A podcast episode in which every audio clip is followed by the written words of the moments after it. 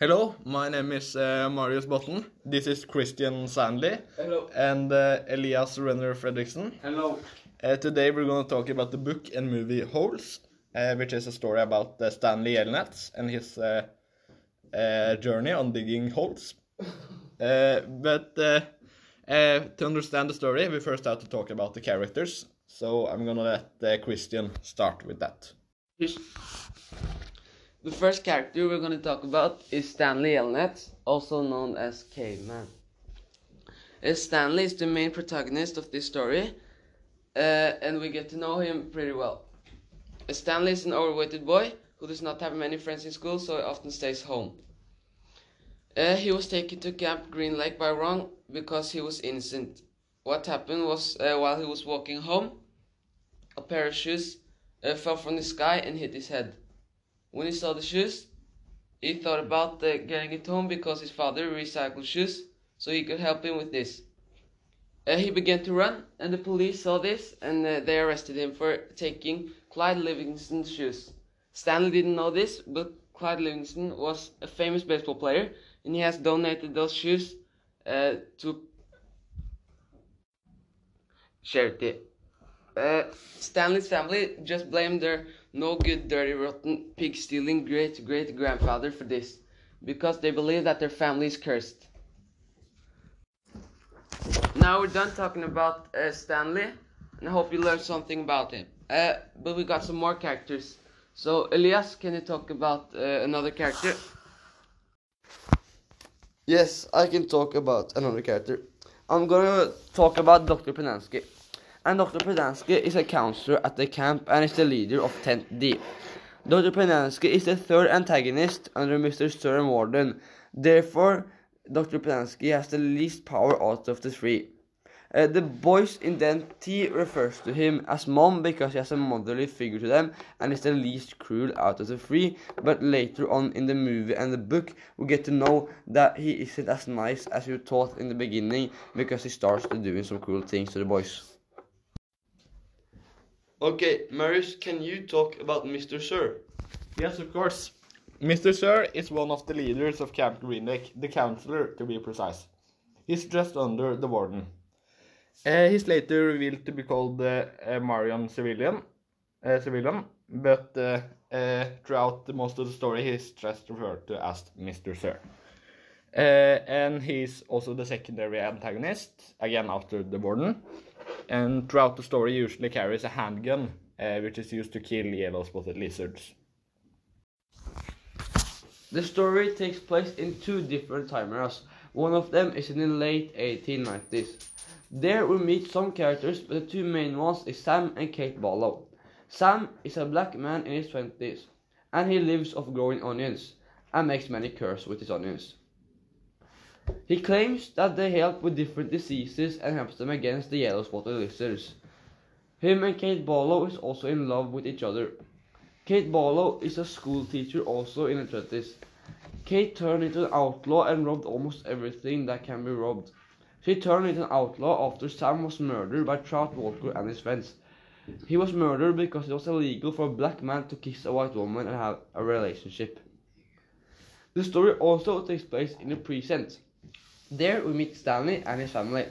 Stanley's family consists of his mom, his father, and his grandfather. When Stanley was sent to Camp Green Lake, we meet Zero, Armpit, Zigzag, Magnet, and X-Ray. The boys is a bit mean in the start, but everyone except X-Ray becomes friends with Stanley and he finally gets some friends. The story takes place in Texas at Camp Green Lake. In the 1890s, there was water in the lake and an astonishing wildlife. There was also a village where many people lived. In the 2000s, the lake dried out and it has not rained in over 100 years. The boys that are sent to Camp Green Lake are forced to dig holes in hope of finding a treasure. An example of a setting is God's thumb. This mountain is called God's thumb because it's formed like a thumb. Stanley and Zero went up to find refuge after they had been in the desert for many days. This is the present around 2000s.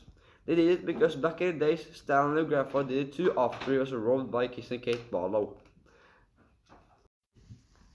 Christian, can you talk about the themes in the book Holes? Yes. Uh, I talk about uh, friendship, and a good example in the story is Stanley and Zero. Uh, at first, they didn't know each other at all, but uh, after a while, uh, they began to get a strong relationship, and they helped each other. When they were out in the desert for many days without anything to eat, they survived by helping each other. And even when they were all alone, uh, with barely anything to eat, they felt happier than ever. Uh, the reason is that now they felt uh, real love, but in the camp they were treated uh, pretty bad, so now they felt like real friends uh, and not fake like X-Ray. X-Ray uses Stanley to get something he wants, and uh, Yeah, an example of this is uh, when Stanley finds a golden tube in his hole, uh, because whenever they find something interesting, uh, they can report it to the warden, and they get the day off instead of digging more holes. Uh, but the X-ray just uh, took that from Stanley, so he could get the day off instead, uh, which is uh, really bad, of course. Yeah, and uh, in the story, it is clear that friendship is an important message. Now we have talked about many things, but now we're gonna go to the main events and the plot. And Marius, you can start about uh, yeah talking about this. Yeah, so uh, uh, the story is mostly about uh, Stanley Yelnats, of course, who is uh, overweight. And he gets sent to Camp Green Lake. There he first meets Mr. Sir, who tells him about how they must dig a hole every single day. Then he gets a cabin along with the boys like Armpit Zero and X-Ray, uh, and of course the cabin counselor, Mr. Pendanski. Then the story goes on with the boys each digging their hole every day, before one day Stanley finds a lipstick shell, uh, which we talked about uh, earlier, but the X-ray uh, takes that from uh, from him uh, instead. Uh, but they find out it belonged to Kate Barlow. From that point on forward, the story constantly shifts between present time and the 19, no, 1890s. Uh, at that time, there was a village and an actual lake in Camp Green Lake. The story follows Kate and her journey into becoming a famous criminal. Then one day, Zero runs away from the camp, and a few days later, Stanley runs after him. Uh, when they find each other, they're both desperate for water, especially, Zero, since he has been there the longest. Uh, they barely uh, make their way up to the mountain they call God's uh, and luckily for them, they find water there. You probably wonder why Stanley's family is cursed, and uh, yeah, we can tell you this right now. The reason Stanley's family is cursed is because uh, uh, one event that happened a long, long time ago. Their no good, dirty, rotten pig stealing great great grandfather Elya Yelnats really wanted to marry the beautiful Myra Menke. But a fat man named Igor had offered the fattest pig he owned, and that was an offer that Myra's father could not resist, and Elya could only offer his heart of love to her. So, Elya Yelnats went to the fortune teller Madame Zeroni and asked for a fat pig. He did not get a fat pig, but he got the smallest pig she owned. But he, she told Elya that he was supposed to walk the pig up the mountain and let it drink from some magic water and sing to it every day for 30 days. And then he would get a really fat pig. But if he forgot to walk Myra Menke up and sing her a song and let her drink from the special water, he and his family would get cursed for all an eternity. And that was what happened. Elya, on the last day, the pig was as fat as Igor's, and he got really mad at Myra that he she didn't want to marry him uh, more than Igor, but only wanted to marry the man with the fattest pig. So he said that she could keep the pig as a wedding present and went to America.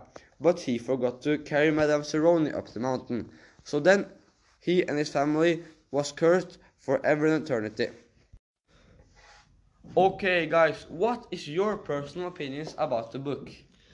Uh, I think the book uh, was uh, really, really good. Uh, I actually think it was a masterpiece, and uh, it was exciting uh, from the start to the end, and I couldn't take the book away. So it's six plus from me.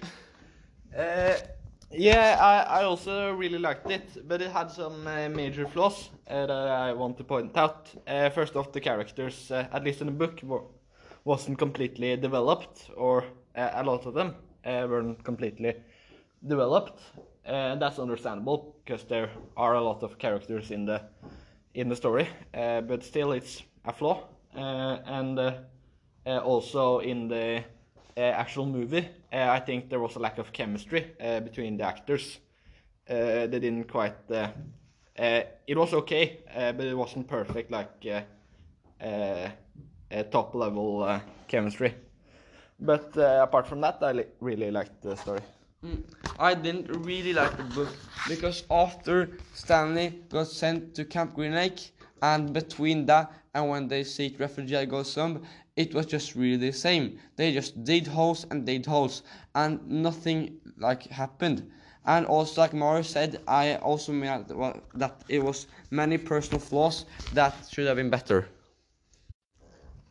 I think it is a difference between uh, the book and the movie because we get a different description.